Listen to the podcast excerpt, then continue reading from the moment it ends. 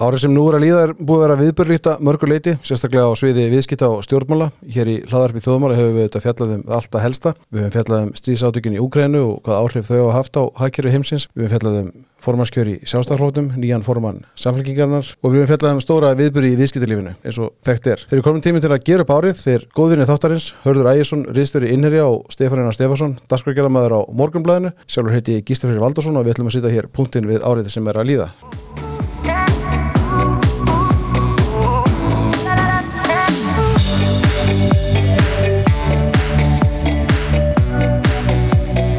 Velkomnir, drengir. Takk kærlega Takk fyrir það. Sko, árið er að vera búið og við ætlum hérna aðeins að gera upp árið. Það verður hérna, við ætlum að sýta hérna í hvað, 2-3 tíma eða ekki? Lamarki. Já, mér svo kostið Stefán er að opna kampænið. Komstu með margar flöskur fyrir þessu útsendíku? Já, skottfylli eins og maður kallar það Maður mætir ekki svona að, að fylla, fylla skottið Og eitt góðan bíl. Já, Byrjaði bara að segja okkur hvað vart með hér. Já, við opnum nú eiginlega alltaf kampæn hérna nema í einhverjum undantekningatilvikum og nú er áramót. Já. og árið 2022 að líða sinnar, já, svona sí- síðustu mínútur. Og ég ákvað að grípa hér úr, úr um, safni mínu mjög fágæta flösku sem að e, afar fáir í heiminum fá nokkur svona bragð á. Og þannig að þetta er eiginlega sögulegt. Þetta er vín sem var framleitt í 350 eintökum uh, lagt til kvílu í kjöllurum Filippona uh, árið 2002 og þeir ákvaða að leggja þetta vín til hliða þá og taka það af geri í fyrra þannig að það stóð að geri í, í rétt af 20 ár uh, í, af miklu tilefni. Því tilefni að í ár, þegar árið 2022 var helgað uh, svona uh, þess uh, eða þeirri staðreind að, að Filippona fjölskyldan er búin að vera að rækta vín við og búa til vín í champagne í 500 ár og sjálf Filippona er held í 17. ætliðurinn í, í þeirri merku í því merka ættartré og þeir tókur sér þessar 350 flösku til hliðar í því tilliti og, Og og einn þeirra er hér. einður er hér á, á borði hjá okkur og þeir sendu sínum bestu vinnum nokkra flöskur uh, hverjum og einum. Og ég var svo heppin að fá nokkra þeirra í, í, um, í kælinn til mín. Já. og svo þegar maður stendur á tímamótum eða mikið stendur til eitthvað alvarlegt að gerast eins og upptaka á þjóðmálum óneitanlegar, þá getur maður gripið til, til svona flösku Enda fullt hérna til. Hörðu, erum sérstaklega að fá þessa Mér, flösku mér, mér, mér finnst þetta bara sjálfsagt. Ég, ég, reynda, ég, reynda, sko, ég, ég, ég ætla að drekka þessa flösku einn, en ég er með annað vín hérna fyrir ykkur. Nei, við verum að, að smakka á þessu.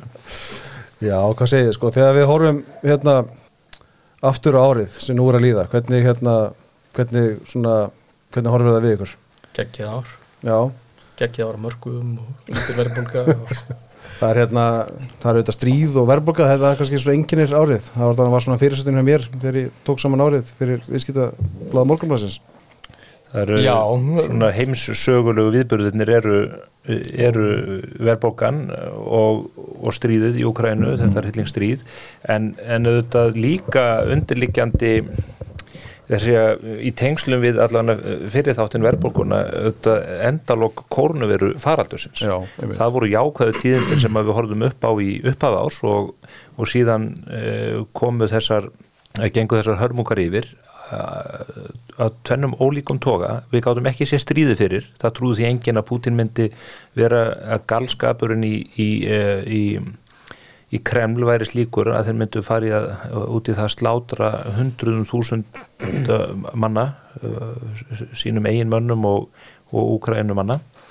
En, en hitt atrið, verðbólgan er þetta atrið sem að menn máttu búa sundir Já, já, þetta eru afleiðingar af mikill peningaprentun og meðan faraldurinn stóð. Já, og, og fá sinna að halda því fram að það sé bara uh, oljukreppa eða, eða orkukreppa sem að leiði þetta yfir ykkur, það, það þetta magnar þetta allt saman en, en uh, afleiðingarnar af uh, kórnuveru faraldrinum og þeim aðgerð sem gripið til er að koma fram og þær eru reyndar mm, líka alvarlegri afleiðingarnar heldur en bara sko efnagslegar Mhm. við höfum séð uh, mikla aukningu alvarlegra streptokokka síkinga meðal annars í Bretlandi og víðar þar sem að börn jafnvel týna lífi sem að sérfræðingar rekja til þess að, að ónæmiskerfi barnana hefur ekki þróskast með þeim hætti sem að nöðsum var á út af allri einangrunni sem að vorum í við sjáum bara flensu tilvillin hér allt í kringum okkur, það er mm. hver einasta fjölskylda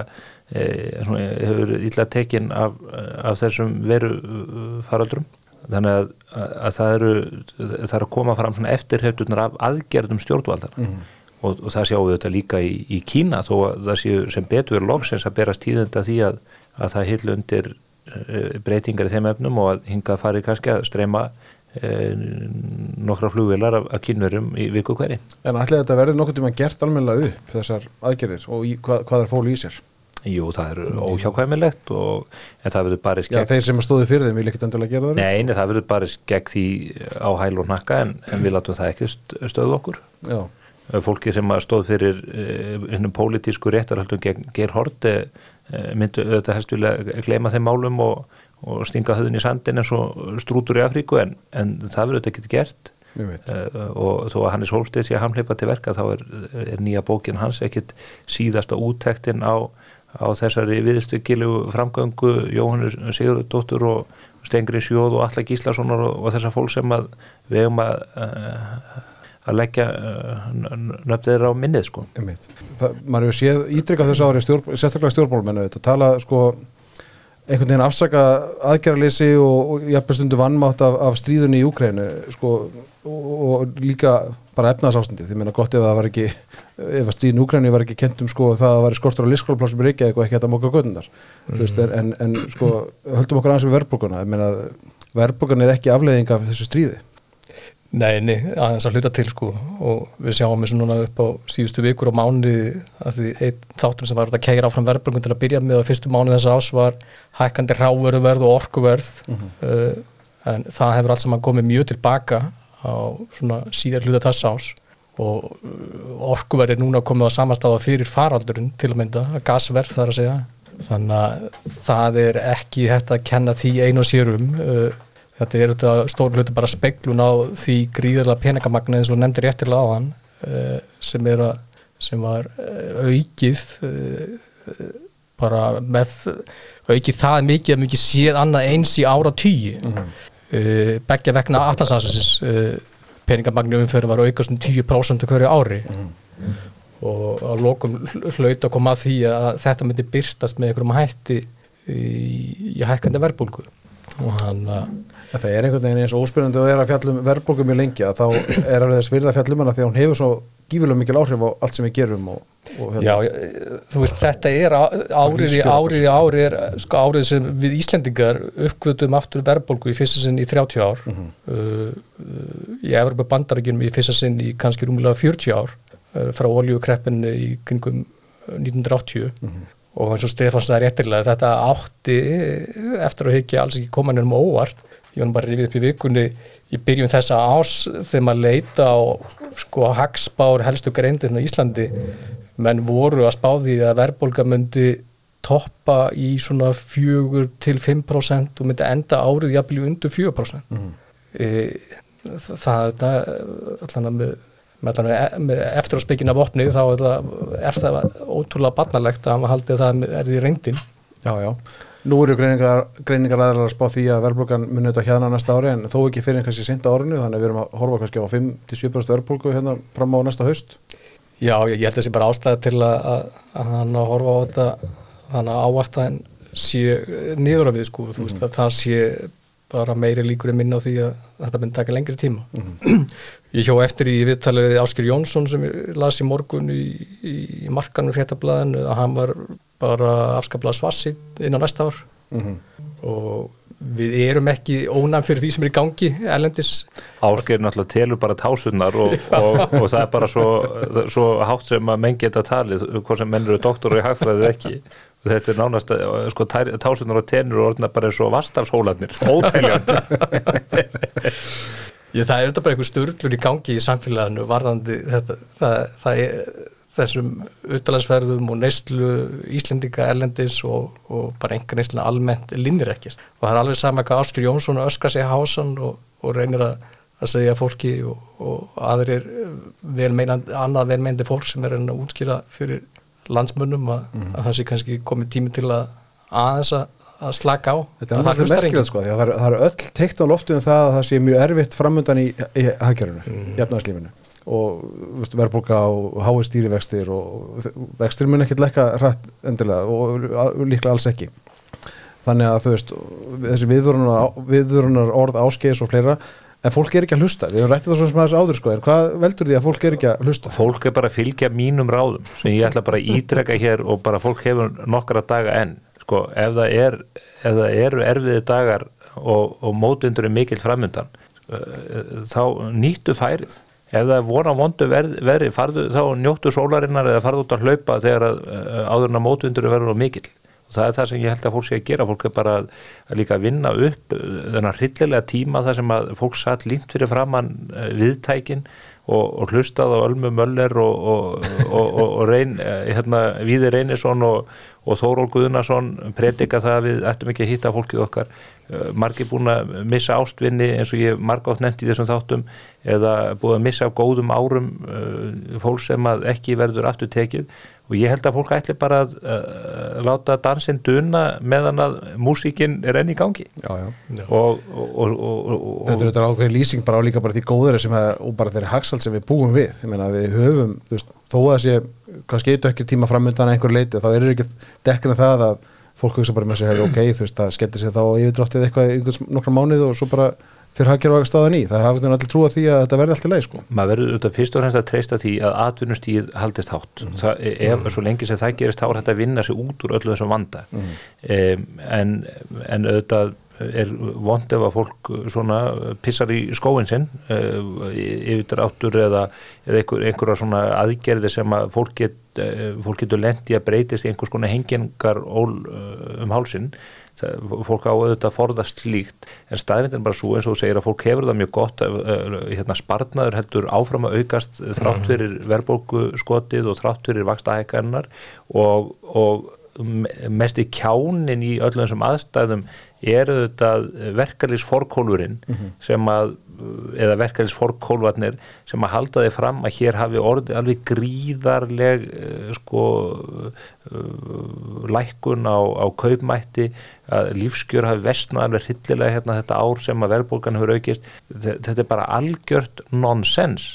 Auðvitað hefur orðið ákveðið bakstáta hækkandi uh, vöruverði en, og, og vextir hafa hækkað og haft áhrif á tiltölulega takmarkaðan hóp samfélagsins enn sem komið er en öll svo aukna velmegun sem að hefur farið út í kerfið á síðustu bara myndi ég segja 6, 7, 8 árum og, alls, og eiginlega einna mest síðustu 3-4 árin mm. og hún byrtist auðvitað bara í því að, að hér hafa það allir sem ekki hafa orðið fyrir einhverjum ytri alvarlegum skakkaföllum mjög gott hér, við sjáum þetta bara á bílaflótanum endur nýjunum gríðarlega mjög sjaldan orðið sem að maður sér gamlar bíldruslur nema þá und, nema þar sé undir stýri einhverju sérvitringar sem að sem annarkot vilja menga mikið eða telli þetta besta bílsögunar en, en að, að, í öllu öðru tilliti er, er staða mjög góð. Og, og, og gott og vel það er ekkit allir sem upplifa það þannig en í hinnum rétta samanburðu hlutana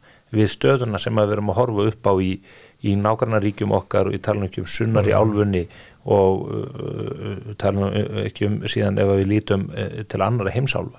Þá er Ísland bara eins og gósen. Mm. hér drýpur bara smjöra hverju strái. Og hér fræði kampaðinum þessa ganga. Já, þetta er rosalega gott vín. Já, þetta er mjög Nei, þetta nei, er áramóta vín. En eins og ég takkið þennan bolt áfram með Stefáni ég, ég menna það, það er ekki vinsælt að, að draga fram tölur til að styrkja svona málflutningi til að sína hvað við höfum að gott í samböru önnu lönd en maður gera hann samt þú veist, kaupmáttur í Íslandi e, jógst um 55% árum 2011-2021 mm. hann jógst um 5-10% hinn Norrlöndun það er bara fínt að setja þessa tölur í saming þú veist, það, það, það, þú borðar ekki kaupmátt segir Stefán Ólásson, þú borðar hann ekki. Nei, ég hef ekki reynt það að og það er látið eins og, eins og, eins og heiminn og jörsi að farast að það verði baksla í þessu kaupmatti mm. við erum komin á hvað samastað á hausti 2020 mm. e, í minningunni var hausti 2020 geggjað. Fyrir þetta COVID. Fyrir þetta COVID og uh, þannig að það er þetta hjákáttlegt að, að það sé verið að láta núna uh, og það sé verið að reyna eins og í samningunum síðast uh, og það tókstu þetta ekki hjá þessu megin þóra þessar fólk sem stýris verkefnsöflum að ætla sér einhvern veginn að ætla að reyna að sækja öll þessi lífskjöð sem eigi að hafa tapast á mm. þessu einu, tveimur árum hvorki staðir í að stund til að, að sækja ykkur lífskjöð heldur hann að verja þau.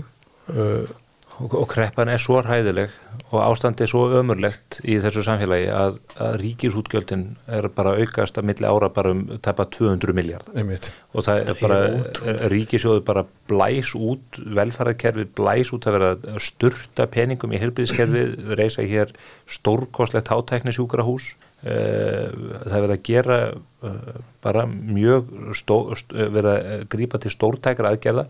Hefur sko bara á Ítalju er ríkisjóðu þannig gæltróta að þeir get ekki einu svonni sko laga gangstétt þarna hjá sér.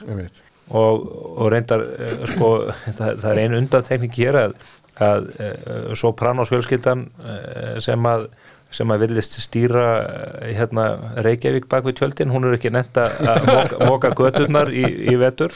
Staða Reykjavíkuborgar Það er nú, nú starfsópar að endur skoða handbókum um vetarþjónustu, er ekki að lítið úr því. Nei, Alessandra Brím, hún mun örglega finna upp eitthvað geyslasverð til að bræða snjóin af gödunum allan í Vesturbæðinu Ég fór, ég fór um nokkra gödur Reykjavíkur í dag, bara eh, ykkur að segja. Og uh, meðal annars hérna í, út á Mélum og hérna upp í Efstæleit og annað. Hefur bara, borgin er bara ófer það er bara fjöldi, hefur já, ég kerði solvallagötuna og hérna og hún er bara ófær. Þú þarf bara að vera að jeppa til að komast hana og það eru margir mm. dagar síðan þessi snjór fjall þannig að allstaðar eru við í góðum málum nema í Reykjavík. Það sem Reykjavíkuborg er, er gæltróta hún er ekki bara gæltróta peningarlega heldur sko gæltróta þjónustulega síðan mm -hmm. en á öðrum sviðum eru menn bara í, í ennþá í sóknarhug og þetta er ekkert krepp ástand Marandi snjómóksturinn þá við sem erum það heppin að, að búa í sömu göttum og borgar fulltrúar.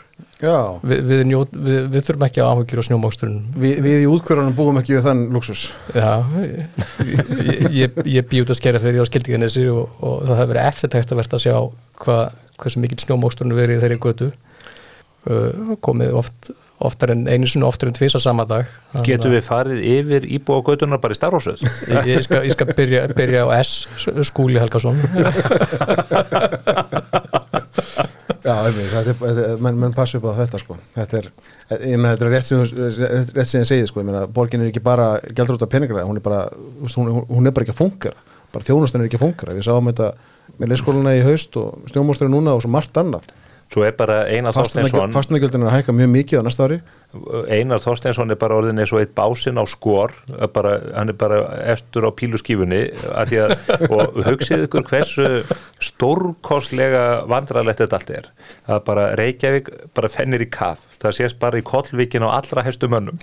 Og það tekst ekkert að móka því að það finnast engin tæki því að Alessandra Brím uh, bara uh, veit ekki hvernig ég, ég, ég þekk ekki hugtökin yfir þessi, þessar vélar sem að þarf til versins og hvar er borgarstjórin sem krafðist þess að vera í eitt og hálft ári viðbót í ennbætti hann er af öllum stöðum í Suður Afríku þar hefur ekki sést snjókott síðan 1978 það er um að gerfi snjór sko á einhverju jólasýningum. Og þetta er bara þetta er að verða svo ömurlega hjákáttlegt og að Einar Þorsteinsson minn ágætti vinnur hafi vaðið út í þetta fenn og setji með drulluna ekki upp á miðjar skálmar heldur upp á kollvikin sem ekki sést í fyrir snjó. Þetta er, þetta er bara þingre en tárum taki. Og hvernig verður þetta næsta, bara næsta ári til þess að ég minna það er augljóst að Einar Þorsteinsson á meðan hann í meirluta með þessu fólki mun ekki geta tekið til hendin með þeim það, það er stórkostlegt áttak mm -hmm. Það er bara það er neyðarstjórn yfir Reykjavík til þess að ná tökum á þessu. Mm og hverju ári dýfkar hólan Uh, og þar, þar eru ekki að vísa í hóluna sem að hann hjálmar uh, borgarhulltrúin er, er, er kentur við heldur aðrar og miklu dýpri hólur og, og það eina sem að getur gerst er annarkort að þessi meðluti springi þegar allt kemur upp úr krafsinu og einar komið sér í skjól með fólki sem að horfist í augu við vandan eða þá að borgin verði gæltfróta við næstu hérna kostningar og, og þurfi þá og þá þurfa að kjósa einhvers konar neyðarstjórn yfir, yfir batterið. Hún var náttúrulega teknilega að segja gældróta fyrir kostingarna síðastlega vor. Já, og og, bú, máttu bara ekki fellum það. og búið að benda á það auðvitað margsinnis. En, að, en að öðru liti er, er, er við í góðum standi. Við erum sem betur fyrir sko atvinnulífið, fyrirtækin í landinu uh, heimilinu í landinu og ríkisjóður þrátt fyrir það þunga högg sem að honum er reynt með, með koronavirunni uh, lífur í sjóðunur okkar þó að þeir sé að taka þessu högg eru gríðasterkir uh, eignast að okkar við uh, útlöndum er, er, er fádæma góð þannig að þó að hér muni gefa bátum, við getum kannski farað að sé við það hvernig það muni byrtast á nýju ári og kannski á næstu árum en, en þó að hér gefi alvarlega bátin þá er ekki neitt hörmungarskeið í, í vandum. Mm. Nei, neða því vorum að ræða hérna um þessa miklu neyslu landans sem er skiljanlega eftir leiðenda tíma í COVID og fólk hefur það bara gott. Þetta er ekki að, þetta er ekki að byrtast með neinum sambarlega hætti eins og við þegar við þekktum 2006, 2007 eða 2008 fólk er ekki að skuldsýta sig fyrir neyslunni uh, skuldir heimilina hakkast ekki og raun og veru aldrei verið lærri í, í sambyrju landsframherslu og svo framvegis og framvegis mm. ágjöfnið varandi neyslunar er kannski eins og Sælbankastjóru hefur nefnt er að, að þetta veldur því að það setur þrýsting á viðskiptahallan hjá okkur og það getur sett þrýsting á gengi krónunar og við verum að kljástu þessa verðbólku þannig að það eru svona, svona þættir sem, sem við þurfum að huga að í því. Eða en annars bara ég held að lengur tíma litið held ég við getum verið mjög brött varandi stöðuna. Já, já, sko þið nefnduðu hérna verkefliðs fórustuna það er nú alltaf hægt að taka upp hér að hans að minnast á hana sko hérna Stefán hérna bara fórtan hundum Er þetta áramönda skaupið? sko það búið að gera samtöku aðtjóðlýs að hafa gert auðvitað kjæra samninga tvenna samninga við annars vegar starfsgrunarsambandið og hins vegar við, við Vaffer og eftir að gera samlingu efningu hver, hver er sigurverðin í þessu öllu saman? Er það Haldur Benjamin? Já, sigurverðin er Haldur Benjamin og, og Willi Bygg kannski og taparinn eru er Ragnar Þór Ingólfsson og, og Sólvi Anna augljóslega. Það er bara merkilegt sko, við vorum að benda á þetta hérna í viðskiptamokkanum í vikunni sko, að, að, að það er áhugavert að skoða með það hvað Sólvi Anna og Ragnar Þór taka mikið pláss í fjölmjölum og tala mikið í fyrirsöndum og fá mikla aðtegli hvaða eirunni lítill hópur á bakvæði og þau eru að tala fyrir þau þetta eru fórsvarsminni félögum sem vissulega telja á 20.000 manna. En svo kemur á daginn, maður sér það til og með spyrja atkvæðgristununa kring samninga vaffer hvað eru fáið sem taka þátt. Samt, samt var það með þáttaka hjá þeim í, í, í langa tíma. En þetta fólk það 24% og það er með þáttaka í hvað samningu sem að formaðurinn vildi fella, vildi fella. Já, þannig að hann er þau, þau, þetta fólk Ragnar og Solveig setja sér strax út í hot með því að byggja upp einhverja væntingar sem voru aldrei að fara að ganga upp eftir þannig að klúðuruðu strax væntingarstjórnni mm -hmm. í staðan fyrir að reyna að vera með hófstilt og raunahæði væntingar aðranda samninga það er þau geta bara lappað í burtu þessu samningum sem því að þetta eru augljóslega mjög góða samningar fyrir þeirra félagsfólk. Mm -hmm. Rándýri samningar fyrir aðtunni og rándýri samningar. Það talaði um að samningar Gleimstótt að minna það. Það tala um að samningarna sem er búið að gera við meginn þóra fólksins á almennum vinnumarkaði við SGS, Vaffer og öllu þessi félög eigi að kosta aðtunlífið kringum 7-8% í hækkun og launakun en raunverulega hækkun er meira, hún er líklega 9-10% mm. það sem er hækkun á tögstónum og þetta mun smítast allt út í það. Mm. þannig að þetta er, þetta er, er ekki óndir í samningar kannski var þetta bara raunveruleikin sem samtöku aðtunlífið stóðu framifyrir og, og það bara var betra kannski að láta hann bara raungerast fyrir heldur í setna í staðan fyrir að býða með það. Samt í haldurbyrnum minn af sér Sko, ég held ekki vegna þess að það var auðvitað ekkit lengra gengið. Það var ekki kostur góður. Mm -hmm. en þetta, þetta er sant, þú veist, þetta er, í hvaða, þú veist, byrjum þetta saman við, við sáum samninga hjá stærsta stjæftafélagi Þískalands fyrir einu mánu eða tveim mánuðu síðan. Já, hver sá ekki þá samninga? ég, ég er með það að útbreyta það. Er þetta fylgjast með bakarasamningunum, hörður? Já, já, ég er alltaf með það hérna á newsfeedinu hjá mér. það var, það var samið um 5% launahekkun á fyrsta ári mm. og síðan niður í 3 og held í 2%. Mm.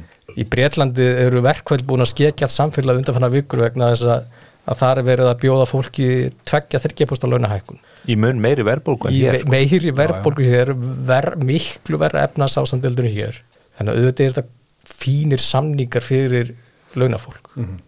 Ma, maður myndi helst vilja vera að fluga á vegg í svörtulóttum hjá Áskeri Jónssoni og, og hans ágæta samstagsfólki þannig að mér er sett að það er mikil stemning á þessum fundum um, hjá bankastjórunum uh, og svona samstæða og, og, og ganga alltaf í takt þar. En, en, en, en hvernig þau greina eins og þetta hefur verið um hér. Já, í, í frægum þetta en hvernig þau meta þessa samninga ég er ekki vissum að þau líti á þetta sem góð tíðindi þegar upp er staðið verðbólgu þrýsting og... Nei, sko, ég held að mann líti á það sem mikilvægt uh, skref að ná frið á vinnumarkaði mm -hmm. og, hvernig, og við hefum nú eftir að sjá hvernig rætist úr með eblingu í því tilliti en, en það er ekki endilega vist að það sé vond að það komið til verkvælsko eða verkvælsbóðunar því að þá munur þetta svolítið að afhjúpa sig mm -hmm. uh, sem manneskinn sem hún er og fólkið í kringum hana.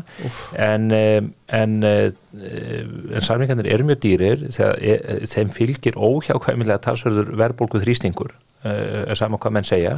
Og svo eru samlingarnir bara til svo skamst tíma.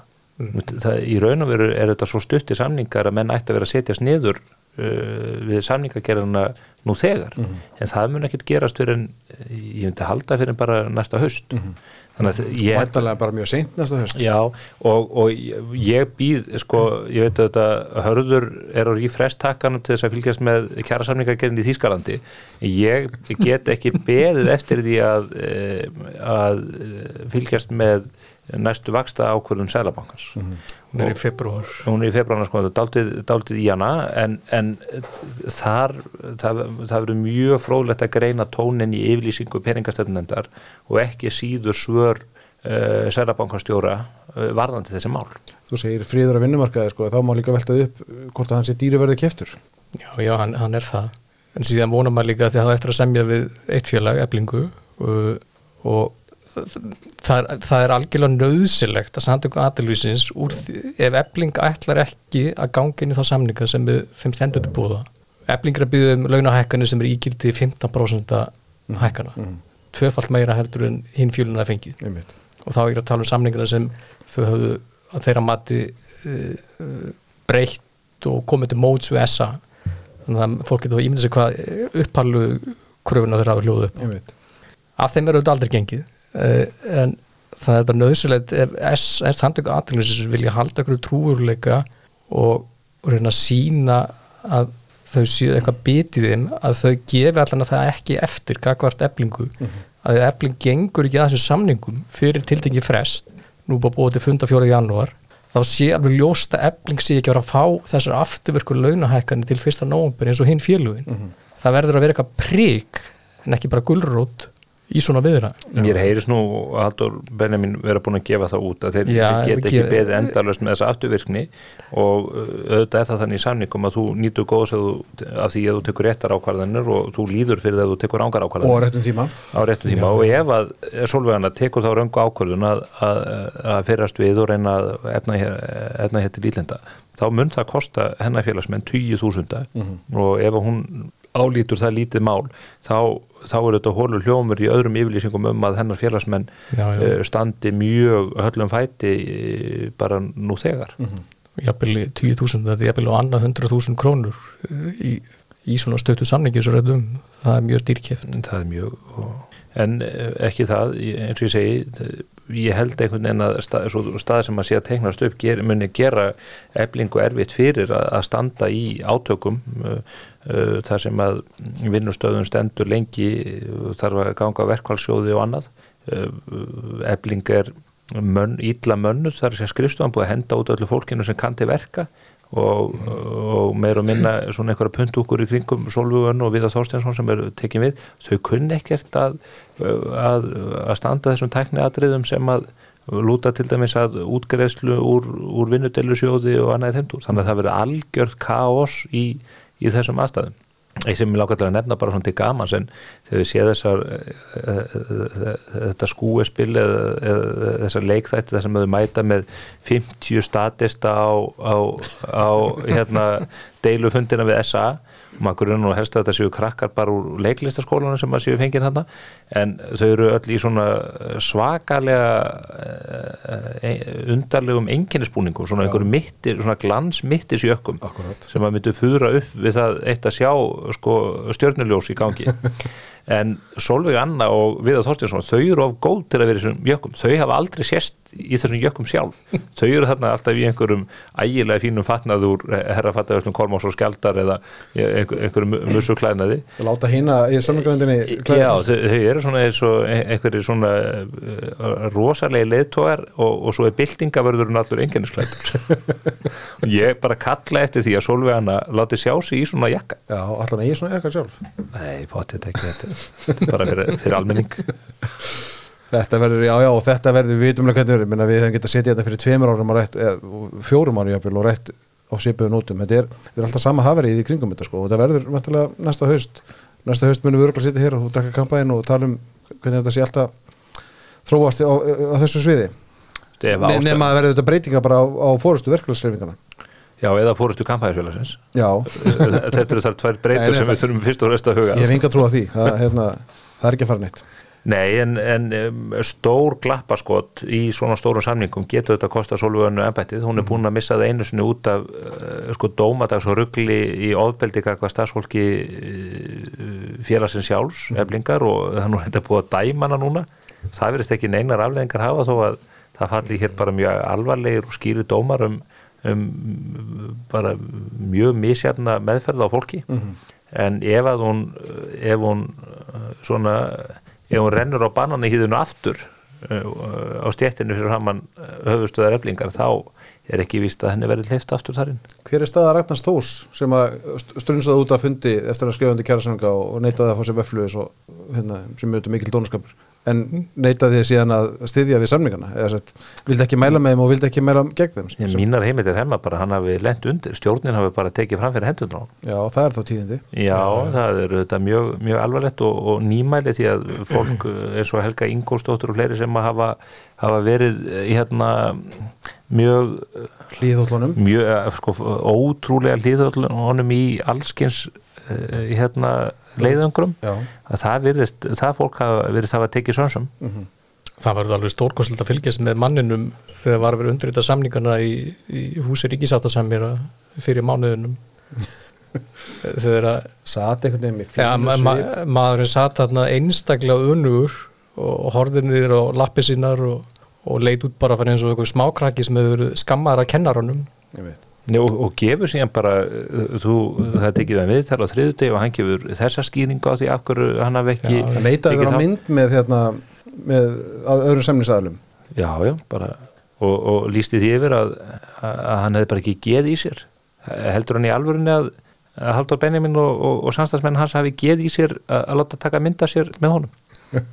Að sjálfsögðu ekki, þau, bara eins og ég nefndi á þau bara þau fá bara borgað fyrir það. Alveg eins og hann fær borgað fyrir það að sína þessu fólki kurtesi og yfirvegun. Mm -hmm. en hann bara getur það ekki hann verður alltaf að þjóna sinni eigin lund og það auðvitað kemur honum í, í kott þegar upp er staðið. Og, en svo ætti fólk auðvitað líka ígrunda það þegar menn stíga fram í svona umræði eins og hann hefur gert og gefur alltaf nýjar og nýjar skýringar uh, á því af hverju hann gerði þetta hitt. Það er engin samkvæmni í, mm -hmm. í þessum yfirlýsingum. Og, og það er mjög alvarlegt það get ekki treyst orðum manna. Já, það er rétt og færa okkur hans yfir í viðskiptin þetta er kannski stærsta viðskiptur þetta ásins verður það ekki, já, stærsta svo sem við verðum kannski mest fjallað um eru þetta salin á Íslandsbaka og það er nú verið fjallað um það eins hér uh, mm. þetta er einhvern veginn svona þegar maður hóður tilbaka skandal sem að varði engin skandal Þetta er mesti þessu umröðu mesti stórmir í vasklasi af mörgum mm -hmm. slíkum mm -hmm. sem ég man eftir mesta dellu umröða sem hefur nokkur tíma nátt sér stað hérna í, í umröðu á vistarlífinu Og nóg er aðeins samt. Já, já. Ég las nú einhverju blæði morgun að þetta eru valin næst vestu viðskipt ásins. Uh, ef ég hefði verið að stýra þessu blæði sem ég gerði fyrir tveimar ára síðan, það hefði ég auðvitað valið þessi viðskipt í allan í topp þrejum verið bestu mm. viðskipt ásins. Og það var bara svona komist að sama dag að þetta var byrt í blæðinu uh, fór útbóðsgengi, neða fór gengi Íslandsbanka niður í útbóðsgengið 117 krónur hlut. Ef við myndum leiðri þetta kannski fyrir einhverju verðbólk á þessum tímbil þá væri, þá væri ekki gengið þá væri gengið ekki svo 111 krónur. Já, fengið, þú, það er góð viðskipti fyrir seljandan já, já, ég hefði haldið það. Það hefði verið betra að setja peningið sinn inn á innlægsreiklu og auði eh, í kviku eða eitthvað, þú mm. komið betur út af því.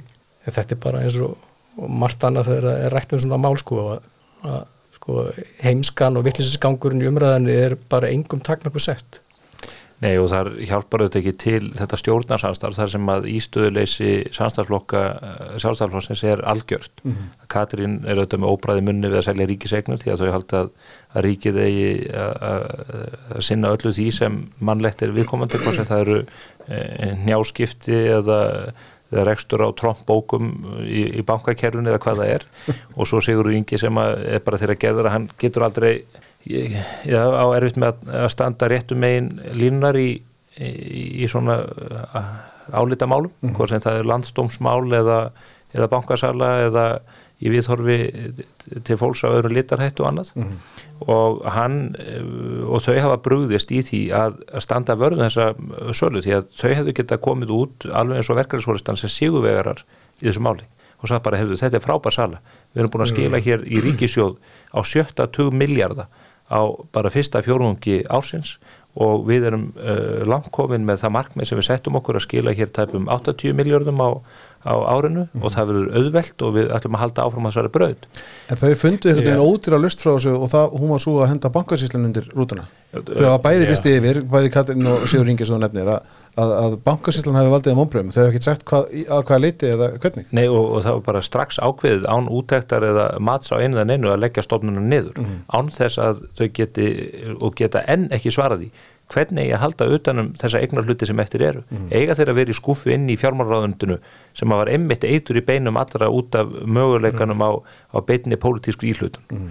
og, og, og svo sést þetta kristallast í þessari skíslu ríkisendurskoðunar ríkisendurskoðandi maður sem maður hefur ekkert vitað um en mæti síðan á, á þingnandafundi og fyrir að líka eh, fórsvarsmönnum annara stofnana við badnaræninga og, og bara eh, sko, algjörlega glórulegs framganga eftir að hafa valið sem sérstaklega ráðgjafa utan hús fyrir um aðstofamann viðskiptar á þeirra og bankarhuninu og fyrir um aðstofafórstjóri fjármálaeftirlitsins sem að selabankastjóri gæti ekki hugsa sér að hafa inn í saminæðri stofnun og þeir uh, kokka upp skýslu, uh, dellu skýslu sem gefur fólki ástæðu til að ætla að menn hafi gengið að útbóðsgengi uh, sem raunin varð langt undir því sem mögulegt hefði verið og hvað blasir við þegar búður að fara við málið, skoða andmæli bankasíslunar, ræða við menn sem að kunna á sölu fyrirkomulega þessu tægi þeir bara skilja ekki út á hvað ferlið gengur mm. og hvernig þetta gengur fyrir sig. Og þeir skiljaði ekki en með skíslu skrifunum sem að, og, og þú gísli sendur nú fyrirspöldun á Ríksendurskóðanda hann vill ekki einu svona gefa upp hvaðan Jón Þór hefur borgað fyrir þessa stórkostlu vinnu sína. Akkurat því. Uh, að, að, að þeir færu upp í hendunar á fólki sem aldrei getur staði í lappirnar og þarf að nýta öll tækifæri til þess að þyrla upp moldviðri um hluti hvað sem það eru innflytjendamál, hælisleitendamál ríkisfjármál uh, samgöngumál eða bankasölumál og, og þetta fólk telur sig heiminn höndum hafa gripið með því að geta haldið fram að hér hefur verið hægt að selja bankan á 122 í staðin fyrir 116, 17 og 18 krónur mm -hmm. sem er algjörð della mm -hmm. Já, já, já, já. og þegar, þegar eins og Stefán segir í, þeir eru búið að reka þetta allt saman ofan í ríkisendur skoðunda trekk og onni trekk þegar umræður um skýsluna byrjast í nefndafundum og í umfjöldlun sem er fjármjöluna þá lætur hann eins og að það hef ekki verið tilgangur í þessar skýslu hjá sér að halda því endilega fram að væri hægt að selja mm -hmm. heldur bara að vera að stilla upp að einhverjum sviðsmyndum í þessu sem er bara einhverja vangaveltur út í lofti sko. allir sem lesa skýsluna sjá að þetta er gert í augljóslega e, þeim tilgangi að reyna að sá þeim fræjum mm -hmm. og þeir eru hugsunni á fólki sem skýsluna að þetta hefði verið möguleiki mm -hmm. sem var það, var, var það alls ekki Þannig að mér, mér veist framganga í ríkisönduskóndi í þessum máli að bara þetta skammar. Og maðurinn er bara gert að fýbli mm -hmm. með þessari skýslu og hvernig hann er komið fram á þessu fundum nefndana og mér var nefnist leiðið og í svörundir fjörmila og fleira þú veist Já, já, og líka leiðilegt að sjá síðan, þú veist, af hverju er sjástaflokkurinn að bukta sig og beigja fyrir þessu umræðu? Af hverju verið að segja þessi skýsla sé bara gott innleggi í einhver umræðu, hún er það ekki. Mm -hmm hún er bara umulegt innlegg góður, í þessum góður punktur í það sko... þau, eru, þau eru að þau eru að þau eru svo meðvirk gagvar, þau eru að færa dasgrávaldi til þessa fólks. Til tiltekina fjölmjöla, til stjóðarhansstuðunar núna allt er búið að komast þeirra niðurstu það sé, það sé algjörlega ómögulegt og bara gangi ekki upp að selja hluti í banka hérna í Íslandi með þeim hætti sem var gert þarna með svona tilbúðsafur ég er bara algjörlega ósaman á því Allir sem þekka til eru ósamar því að þeir vita já, ekki sko. bara, þe- þetta bara hefnaðist mjög vel í alla staði. Allt annað er bara eitthvað píp sem skiptir engu máli. Og núna er að þar niðurstu að þess vegna verða að gera þetta með öðrum hætti. Bjarni hefur talað um að hann vilji uh, dreifa þessum hlutabröðum yfir á almenning. Já, já, þú veist, ég er svona miðlungi hrifin að þeirri hugmynd. Og eða þá, að eða þá og verður sem er líklega niðurstaðan að geta bland að fara aftur í almennt útbúð það mun þýða að, að ríkisjóður við skakrendur fáum aðeins lærra verð fyrir hlutin læra hlut og kostnaðurinn. Ef það sé eitthvað sem menn verður þá afskaplega glaðin með, þá er það já, bara á það, staðan. það er kannski bara fórnarkostnaðin fyrir einhverja pólitíska sátt í málinu sem er auðvitað bara svolítið dýrkostnaður. Já, en það segir líka bara hjá okkur á hvað stað við erum komin, þú veist, hvað, 14 árum eftir bankaröfnið, að það sé ekki hægt að standa að sölu í hlutríkisins í banka með alþjóðlega viðkjöndum aðferðum, með þessari glæslu niðurstuðu, án þess að hafi þessar afleðingur í eitthvað svona dellu umræðu og ríkistjóttin sem stendur á sölunni bakkar alfarið og tekur undir það. Það er búið að selja svona hluti í öðrum bönkum í löndum í Evrópu af hálfu sýstustofnum bankasýslunar með nákvæmlega sem að hætti en vilt með verri niðurstuðu og engum dettur í hug að halda því fram að þetta sé eitthvað glata. Þannig að ég útskýra það sem að hörður er að reyna að segja hérna að, að þá viljum við hörður halda því fram að maður ásins sé Jón Gunnar Jónsson fórstjóru bankasýlunar og hérna hún hefur verið leið á hálsi fyrir, fyrir, fyrir svörunuleysi og annað og hann, ég veit að hann tekur ímislegt að því til sín. Menn að gera grínað honum út af þess stórkostlega stórkostlu sjónasuptöku rúf þar sem að, að hann átti samtali í gegnum uh, hérna, já, nánast í gegnum skráargat bankasýlunar en, en mér finnst þetta bara að lýsa því hvað Jón er mikill sóma maður að hann auðvitað ætlaði ekki að skella á þetta fólk, hann ætlaði að ljúka samtalinu og það var sífælt verið að bera undir alltaf frekar og, og, og nákvæmari spurningar um það hvernig hann ætlaði að tala. En eh, heilt yfir er salan á þeim hlut sem nú þegar er komin úr hönduríkisins uh, þar sem var þetta Íslandsbanka uh, til Sóma hefur styrt stöðu ríkisjós og þar með þjóðarbúsins og uh, það væri langfarsælast að menn myndi láta þessum ráðagerðum um að uh, leggja þessa stofnu niður og, og bara félagum að halda áfram á þeirri vegferð sem hefur hefnast vel hinga til að, að koma bankanum úr, úr höndum ríkisins. En, en það er einhvern veginn hægt að þyrla þessu upp og alltaf skulle menn einhvern veginn á að blanda föður Bjarnar Bendissonar inn í þetta, þetta var, var það mjög bagalegt að það skildi keiftur svona hlutur sennilega af einhverjum eignastýringar aðla hans hönd. fyrir hans hönd en, en þetta er auðvitað algjört nonsens og, og, og að fólk skuli fá að vaða upp í fjölmiðlum dag eftir dag, vika eftir viku með einhverjar spillingar yfirlýsingar vegna þess að kallinn tók þátt í þessu útbóði þetta er auðvitað bara della. Þetta er algjörlega óþólandi að uh, samfélagi skuli alltaf setja í herkví út af svona dellu umræðu. Og hún er eiginlega rekin að stærstum hluta áfram í dag að þessu pírataliði inn í þinginu sem að álpast þarna um á sokkaleistónum vil meina að anstaða við, við, við það að menn með ekki vera á sokkaleistum í þinginu sé bara jafn alveglegt og, og, og, og slæðukröfurnar í Íran. Á því plani er þetta fólk. Sem er að gera svona ígjurhjöður, þetta er bara orðrætt svona. Nei, nei, og Björn Levi sem er sko búin að lama stjórnkerfið með endalusum fyrirspurnum inn í ráðuneytin eins og nefntu við verið vitið hver, hver svona markverðasta fyrirspurnin hjá Levi er í einum af þessum hundruðum eða, eða þúsundum fyrirspurna? Þetta var ekki að spyrja um hvað, hvað klukkan væri einhvers staðar eða eitthvað Já, hvað er klukkan?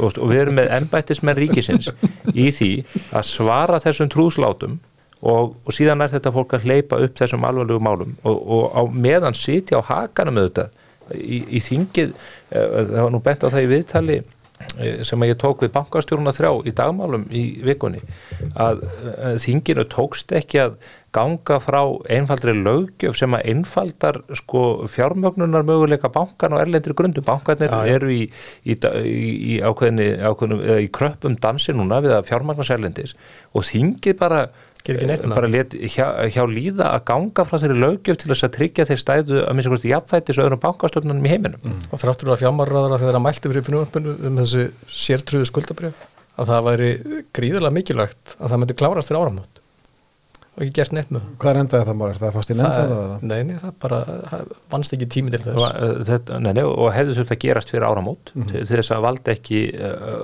óþægendum á, á markaðanum en þessi stað hafa menn sennilega verið að velta fyrir sér uh, hvort að kynin væru 13 eða 17 eða Eða óteljandi. eða, óteljandi, eða hvað þetta var sko.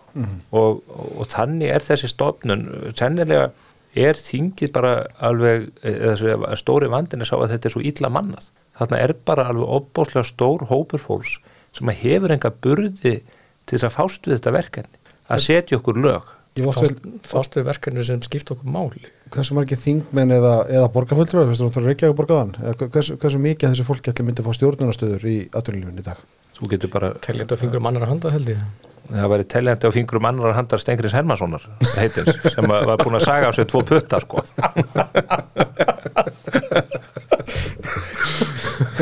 en svo erum við með meiri sér svona okkar fremsta fólk eins og Katrínu Jakobsdóttur, fórsetsaður sem að þrátt fyrir marg ítrekkaða kerslu gegnum dómskerfið þar sem að Guðmundar og Gerfinnsmálið er, er tekið fyrir eh, Erla Bolladóttir, þessi kona sem flæktist inn í þetta mál sem ung kona að bara fórsetsaður upp á sitt einstæmi ákveðu bara greiða út úr ríkisjóði hvað, 36 miljónir vegna þess að það séu hagsmunir ríkisjóðs að ljúka þessu máli Þegar hagsmunir ríkisjós eru bara að einbeita sér einhverju öðru heldur en tauti einhverju fólki sem hefur ekki fengið áherð dómstóla. Já. Hæstiréttur, landsréttur, uh, eftirréttur, allir búnir að úrskurðum það að hún eigi ekki rétt á bótum. Manneskja sem að kom sko saklausum mönnum í fangelsi og, og, og þá stífu fórsættisáðana fram, hefðu hún er spurð í viðtali, af hverju er þetta mikilvægt? Já, já, þetta var eina konan í málinu. Það var helsta rauk sem fórsættisáðanas. Og ég spyr bara, e- hefur þetta fólk virkilega ekki meiri burð en svo að það skilur ekki að við búum hér við þrýgreiningu ríkisvaldsins. Dómstólar ákvarða bætur til fólks nema að annað sé ákveðið með sérlugum. Fossætisráðra lappar ekkert upp á Arnarkvól, opnar þar bankabækurnar sem að geima sameiginlega sjóðið landsmanna og aðfendir bara einhverju fólki út í bæ 36 miljónir.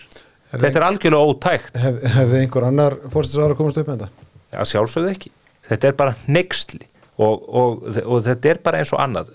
Mjúkmál og, og broskleið í fjölmiðlum ægilega ánað með og allir svo ánaði með Katrin og hún stendur sér svo vel og hún er svo góð og svo mikill mannasættir.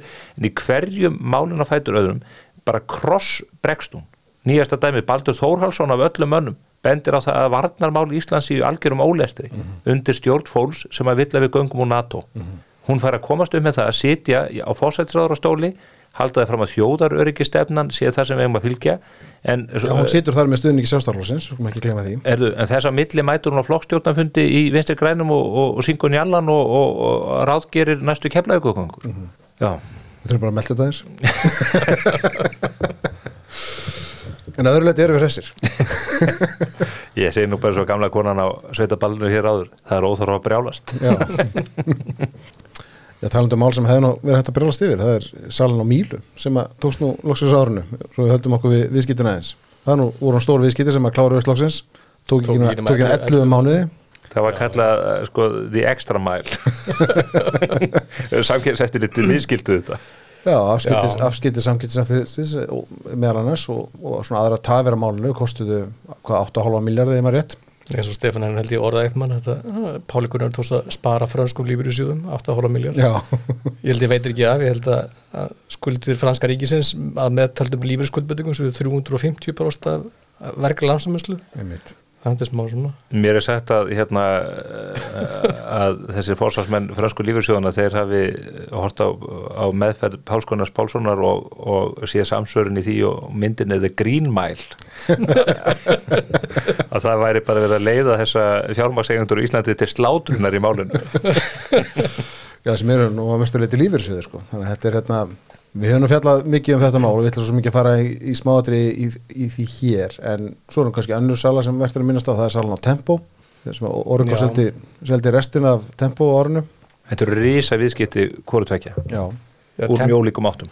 Já, það má einnig að segja sko svona í starra samgilutuna sko við höfum séð sko á síðastnara var líka mikið á svona stórum eftir þetta verið viðskiptum hjá bæði svona nýsköpun og teknifyrirtækjum og það hefur raun og veru ekkert verið láta því á þessu ári þrátt fyrir ástandu á mörgum og þrátt fyrir að við sjá að við lítum bara mestur um að hafa sem slík fyrirtæki hafa fallið í verði mörgum 10%, 80-90% hvað þessi fyrirtæki sem við erum, eigum hérna á Íslandi og hafa maxið á dafnið eins og Tempo og við sjáum Kirisis og, og hann, við sjáum það er ekkert láta á, Kontrollant á þeim gangi sem er í Konturland Einmitt. Og og mörgum fleiri fyrirtækjum. Mörgum fyrirtækjum sem eru bara orðin gríðarlega verðmætt og annað fyrirtæki sem ennþá einhverjum, einhverjum ástæðum er ennþá rosalega mikið undir ratanum en er, en er samt orðin verðmættasta fyrirtæki á Íslandi, Alvotech Já, uh, sem er komið með sko 700 og eitthvað manns í vinnu hérna nýri Vasmýri uh, með heildar fjölda stafsmann upp á 900 og eitthvað manns. Og einhvern veginn meðal hans lífir vilja alltaf snerta á þessu með priki. Að þegar ef að fyrirætlinu þeirra ganga eftir þá verður þetta sko salan að það mun sko, hundruði miljardar sem þeir ætla að skapa. Já, já, þú veist, þe þeir eru augljóslega af, af nýjustu tilkynningum að dæmi sem er komið eru að fá leifi, bandarska leifi eftirleysins til að byrja að selja sitt lif, mm. sitt svona stærsta lif uh, svona, sem er svona þeirra Rolls Royce í þessum mitt næsta ár og þá byrja stóru tekjunar það er þetta sko að að- Verstu, verstu viðskipti ársins, ef ég má skjóta inn í, eru sennilega í hérna, sáttin sem að Haldur Kristmansson gerði við það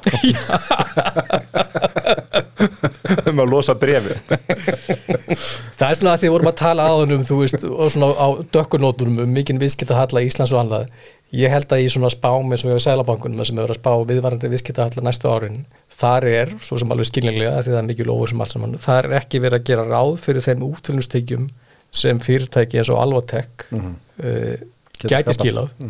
Og ef þeirra áform ganga eftir uh, geti það verið að erum við að tala um mjög háar tölur. Og eins sem að bæta við fyrirtæki sem er verið að fara að fjárfast í á allar næsta árum fyrir hátt í 200 miljardar, það er landeldisfyrirtækin á Suðunjösunum Já. það sem eru þrjú fyrirtæki í, í gríðalur fjárfestinga mjög spennandi uppbygging fasa, fasa, það, er landeldi og Gí og Salma og svo er það samherri landeldi. Mhm.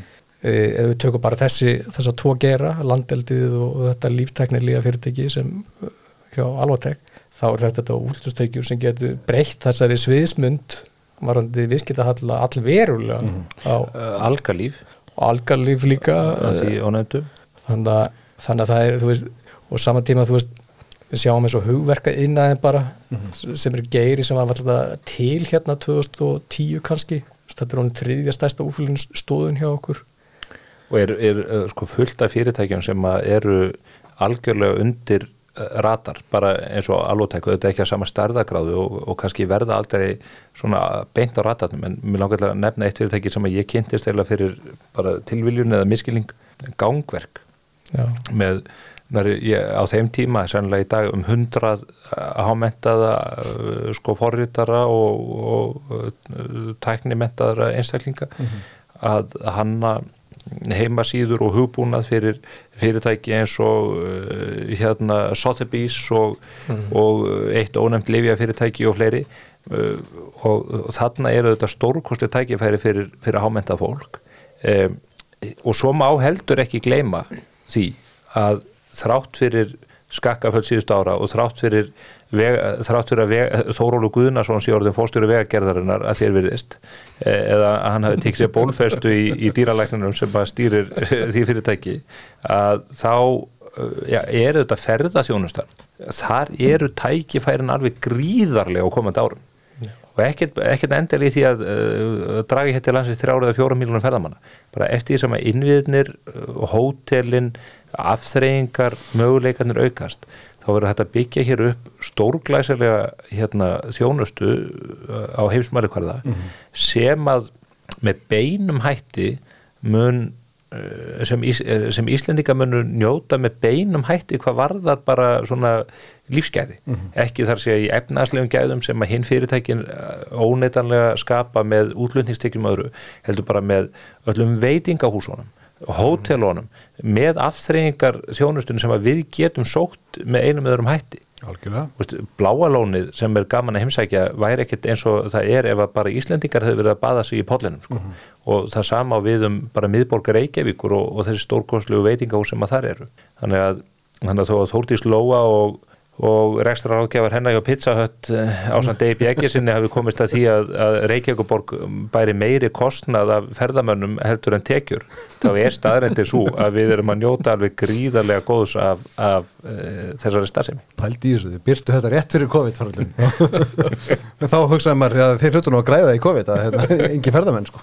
Bara þetta er En þetta er rétt sem þú segir og sérstaklega þú nefnir sko að þetta stýst ekki um fjöldan heldur kannski um það hvers konar ferðamenn við erum að fá til landsins. Já og, og það er að breytast hratt og það er að breytast hratt bara með, með þeirri uppbyggingu sem er átt í stað bara Edition hóteli, mér ákveður að nefna það mm -hmm. þetta er hótel sem kostiði 22.000 miljard að reysa, sko ma maður skilur ekki þessar upphæðir uh, með, með nokkru móti en svo kemur það hann inn og sko, heimsækir þessa bari, skoðar þessi hótelherbergi lobbyið, veislusalina þjónustustíð og annað.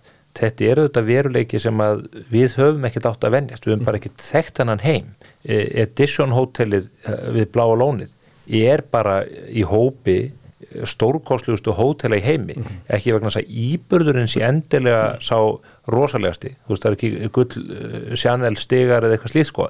Það er bara umgjörðin og, og, og svona sérgreiningin. Mm -hmm. Ég verið með eh, erlenda gesti á þessum stöðum og fólk er bara algjörlega orðlöst já, já. Eh, fyrir utan síðan þjónustjóna bara einföld kvalaskoðun uh, og, og síðan veitíkahúsin og gæðin á, á þeirri stað sem allri. Maður getur nefnt Depla í sama samingi Deplar auðvitað, það hefur verið að reysa fyrir utan Grenivík núna, fimmstjórn og hótel alveg glæsilegt, ekkert langt síðan að fluttar voru fyrir eittir af glæsilegri hóteluppbyggingu við skóarböðin mm. þetta er allt uh, í samingi og við, okkur er þetta gænt á eðlilega að horfa á hátækni innaðinn og Og, og svona þessi, stör, þessi fyrirtæki sem eru með mjög hátt hlutvall, mjög eh, hámentaðar einstaklinga.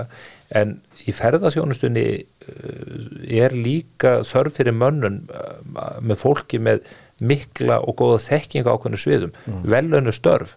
Og það er eitt af því sem okkur hefur kannski vantat aldrei og það er hvert að það þjónustust í á veitíkahúsum og hóturum annað, það er bara vegna þess að við höfum ekki náða að menta nægilega stórun hóp eða draga til landsins nægilega stórun hóp af, af fólki sem að kann til verka mm -hmm. góður þjótt uh, meistarakokkur í, í eldhúsi uh, hérna hóst eins og það er kallað á, á flottu veitingahúsi mm -hmm. þetta er fólk sem að uh, nýtur virðingar er á góðum launum og, og, og er glæsilegt æfistar fyrir þá sem að hafa hæfileika á þeim sviðum. Mm -hmm og þannig eru tækifæri fyrir okkur til að byggja upp yðnað fyrir þá sem ekki er mitt kæra sig um eða eh, er ekki þeirra gerðar að vilja eh, sitja á skólabekk eh, í árið ára tíu sko. Þannig eru tækifærin verulega til staðar.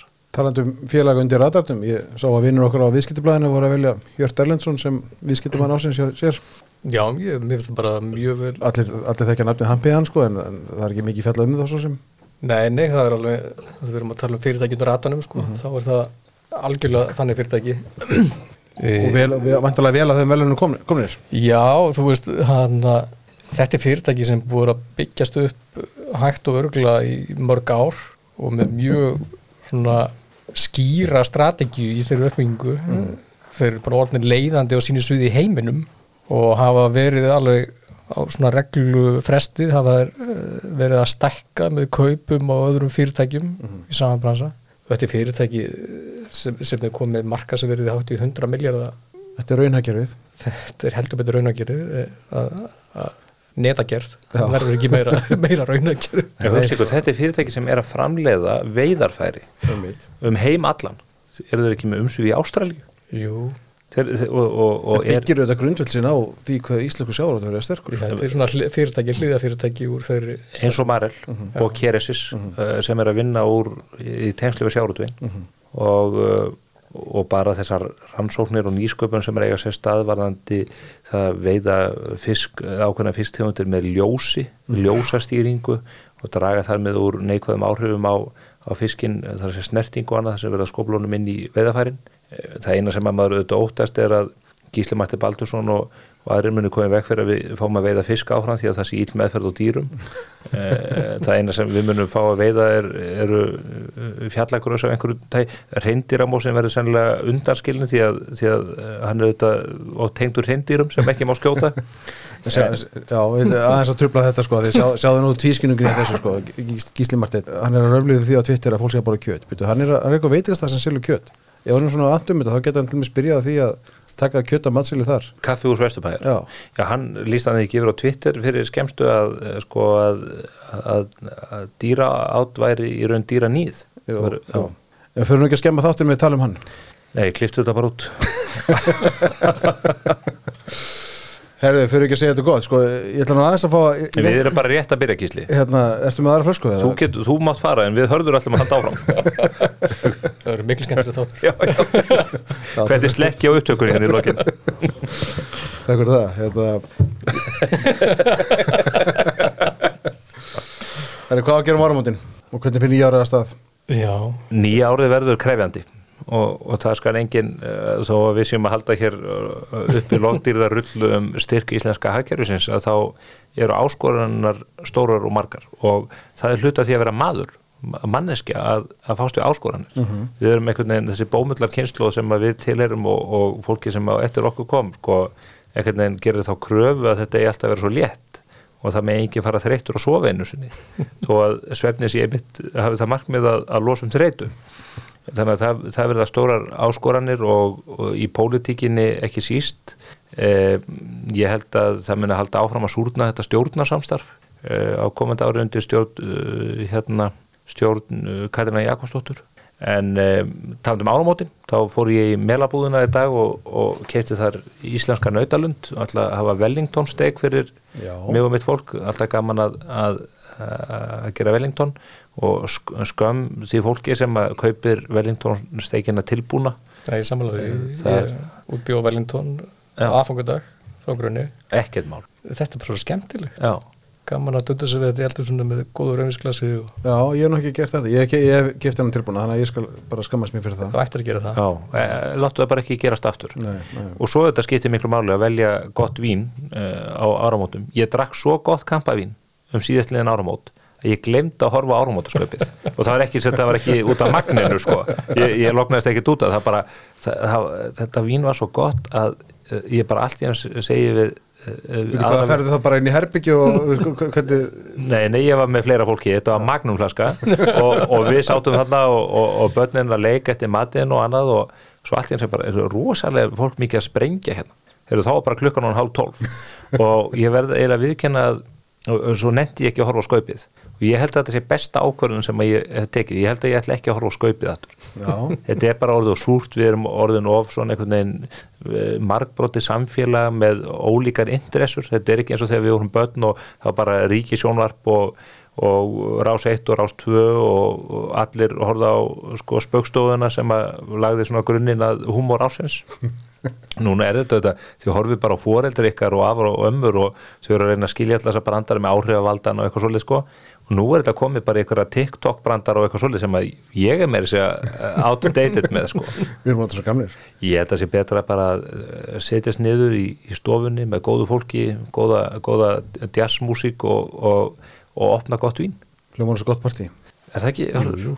Já. Ég get alveg kvittað bara þetta Það um Við ætlum við mat hjá teindar fóldur mínum og það verður auðvitað matrétt einhver dásalur matur og bóða bara gott vín kann, kann, kannski vín frá Stefáni ég kem það nú ekki ávart já, það, það, það, það verður allavega til að tryggja stemninguna. Sko. En hvað, hvað eldaðu? Já, það er búið að segja mér oftar en einu sinni en ég manna það ekki Heilgrillað Marakós lamp. Einmitt. það kemur mér mjög óvart Ég ætla að skella mér í raunakerfið í Vestmannum svona, svona öllu óbreyttu mm. að það er fært Og borða hvað? Það veit ég ekki, bara eitthvað sem að Rakel eldar Hún er þetta mjög góðu kokkur. Ég heldur endur að verði velentónstek Það er hérna, ég er svona eftir að koma stæði Já, Er ekki hægt að reyna að hafa einhver áhrif á það og hún verði ekki keift tilbúin? Jú, þú bara ringir í hana og byður hann um að Já, er ekki bara nóg að hún hlusta á þáttin? Jú, fyrir út að gangi kvöld og hlustar á þetta og hérna Áramótin eru góðu tíma mörguleiti, hann er svona ángurvær uh, hann er súri brota einhverju leiti maður er að skilja við ár sem að hefur að geima sína sigra og sína sorgir. Og það er þessi óræða framtíð sem allir svona bera ákveðin kvíðbóa fyrir en auðvitað líka vonir og væntingar. Og, og svo vil ég segja að, að sko áramótin eru ofmennasta kvöld ársins. Þú veist, þe- þe- þetta er ekki þetta er ekki geggjað partíkvöld maður nú lært, að, lært það svona Já. á síður árum. Hefur þú sagt það fyrir 20 árum? Nei, en það er mjög margt sem hefur gerst á síðustu 20 árum. Mörg áramóta partí sem ég hef verið í og þú er reynda mætt í einhverju þeirra líka Gísli. Og, og, hérna, og þetta eru bara of, sko, þau eru ekki síst ofmetin bara út af erfileikonum við að ná í leigubíl á nýjársmorgun við, já. við þurfum að taka þátt um, um leigubílakerfið einhvern tíðan við tækifæri en, en, en Það, sko það er bara verið að rústa því eins og innviðarum í Ukrænu svo fórum að reyfil svo degin Já, maður má ekki lengur kera á sokkarlistunum eins og Björn Levi en það er sko e, maður á að fara til dæla, maður á að, þú veist, sprengja flugveitjana að drekka gott vín, ringi fólkið sitt og, og skála við viðstata, uh, fagna nýja árinu svo maður bara að fara að sofa, vakna auðvitað að horfa á, uh, byrja því að flagga á nýjástag, það er fánadagur. Já, þið er báðið flokkstöng Já, já, já, það er flagga á jóladag. jóladag og, og nýjástag og, og, og síðan á maður að horfa á ára móta ávarp fósettans, það er algjör, algjör regla. Og svo er ekkert vittlust á nýjársdags eftirmiddag eða á, að kvöldi nýjársdags einmitt að skáli góðu víni fagna nýja árinu, ræða kannski þá í meiri róli hittum við, við magasinn uh, hvað nýja árið ber í skauti svo annað sko. Ta taka á móti nýja árinu kannski í yfirvegun uh, nýjárstagsins Já, jafnveg þó hann ber upp á sunnudag, er það ekki? Jú, Jú sunnundanuna Já, e, já ein flaska kampæni kemur nú ekki til fyrir að maður mæti, mæti allavega svona um hátegi í vinna ein flaska á mann eða? Já, magnumflaska Þetta voru föðurlega ráð þér í lokinn frá þér Stefán Einar. Springiði flugvelda? já, ég heldur byrjum, Já, ég ætla að bæti í núna. Já, er það? Ég Ef, kaup, Gí- ef Gísli Martin segir mér að, að hætti sprengja flugölda þá kaupið þú já, ég, ég tek, ég tek kísla af orðinu, ég ætla að kaupa meira, meira flugveldum heldur en ég, en gerir ráð fyrir. Ég hef nú yfirleitt gert það bara til að styðja björgunarsveitina í Garðabæ, þeir þurfa nýja bens. En núna til að by- by- hérna stiða góða málstað bara? Já, er það ekki, þú veist, auðvitað getur maður millifært en svo er svona kemur upp eitthvað svona dýrslegt eðli í manni að, að sprengja góða köku Já, og, og svo verður líka verður maður ekki að hafa líka góða e, góða góð stjörnuljós fyrir börnin? Jú, heldur betur Og handblís. Já, Við endum hérna á þessu lægi, hérna Baby It's Cold Outside. Það er alltaf því að það var við hérna á Íslandi. Það er mjög kallt úti og búið að vera núna í desember. Svo er hann líka gaman, að segja því að þetta lag var bannað á bandarískum útastöðum flestum síðustu jól. Það þótti of svona Hvað heitir þetta? Eiturlu kallmennska, er það ekki orð sem einhverju er að nota? Já samt er nú pennsöngvæðinu svona leiðandi í tæling, Já, tælingamátturinn bara gamalt klassískt lag. Já, fa- Fallegt jólalag. Hver er syngið þetta? Seth MacFarlane og Sarah Bareilles. Mér hefðist þetta að vera Helgi Góu. Ekki þetta sinni, kannski, kannski páskana þegar að, hérna, á að selja páskaegg Strákar, takk fyrir komuna. Gleðild nýtt ár og takk fyrir bara alla samverðin árinu. Já, sjáumst bara nýja árunu Já,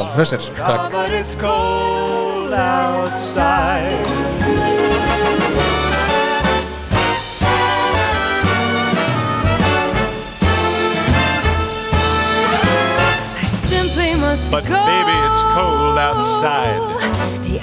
The But baby, no. it's cold outside. This welcome is How lucky that you dropped so in. nice and warm. Look out the window at that storm. My sister will be suspicious. Gosh, your lips look delicious. My brother will be there at the door. Waves upon a tropical My maiden aunt's mind is vicious. Ooh, your lips are Or maybe just a cigarette more. Never such a blizzard before. Got to get home. But baby, freeze out there. Say, lend me a call. It's up to your knees out there. Really I thrill when you touch my hand. don't you see? How can you do this thing to There's me? bound to be talk tomorrow. Think of my lifelong sorrow.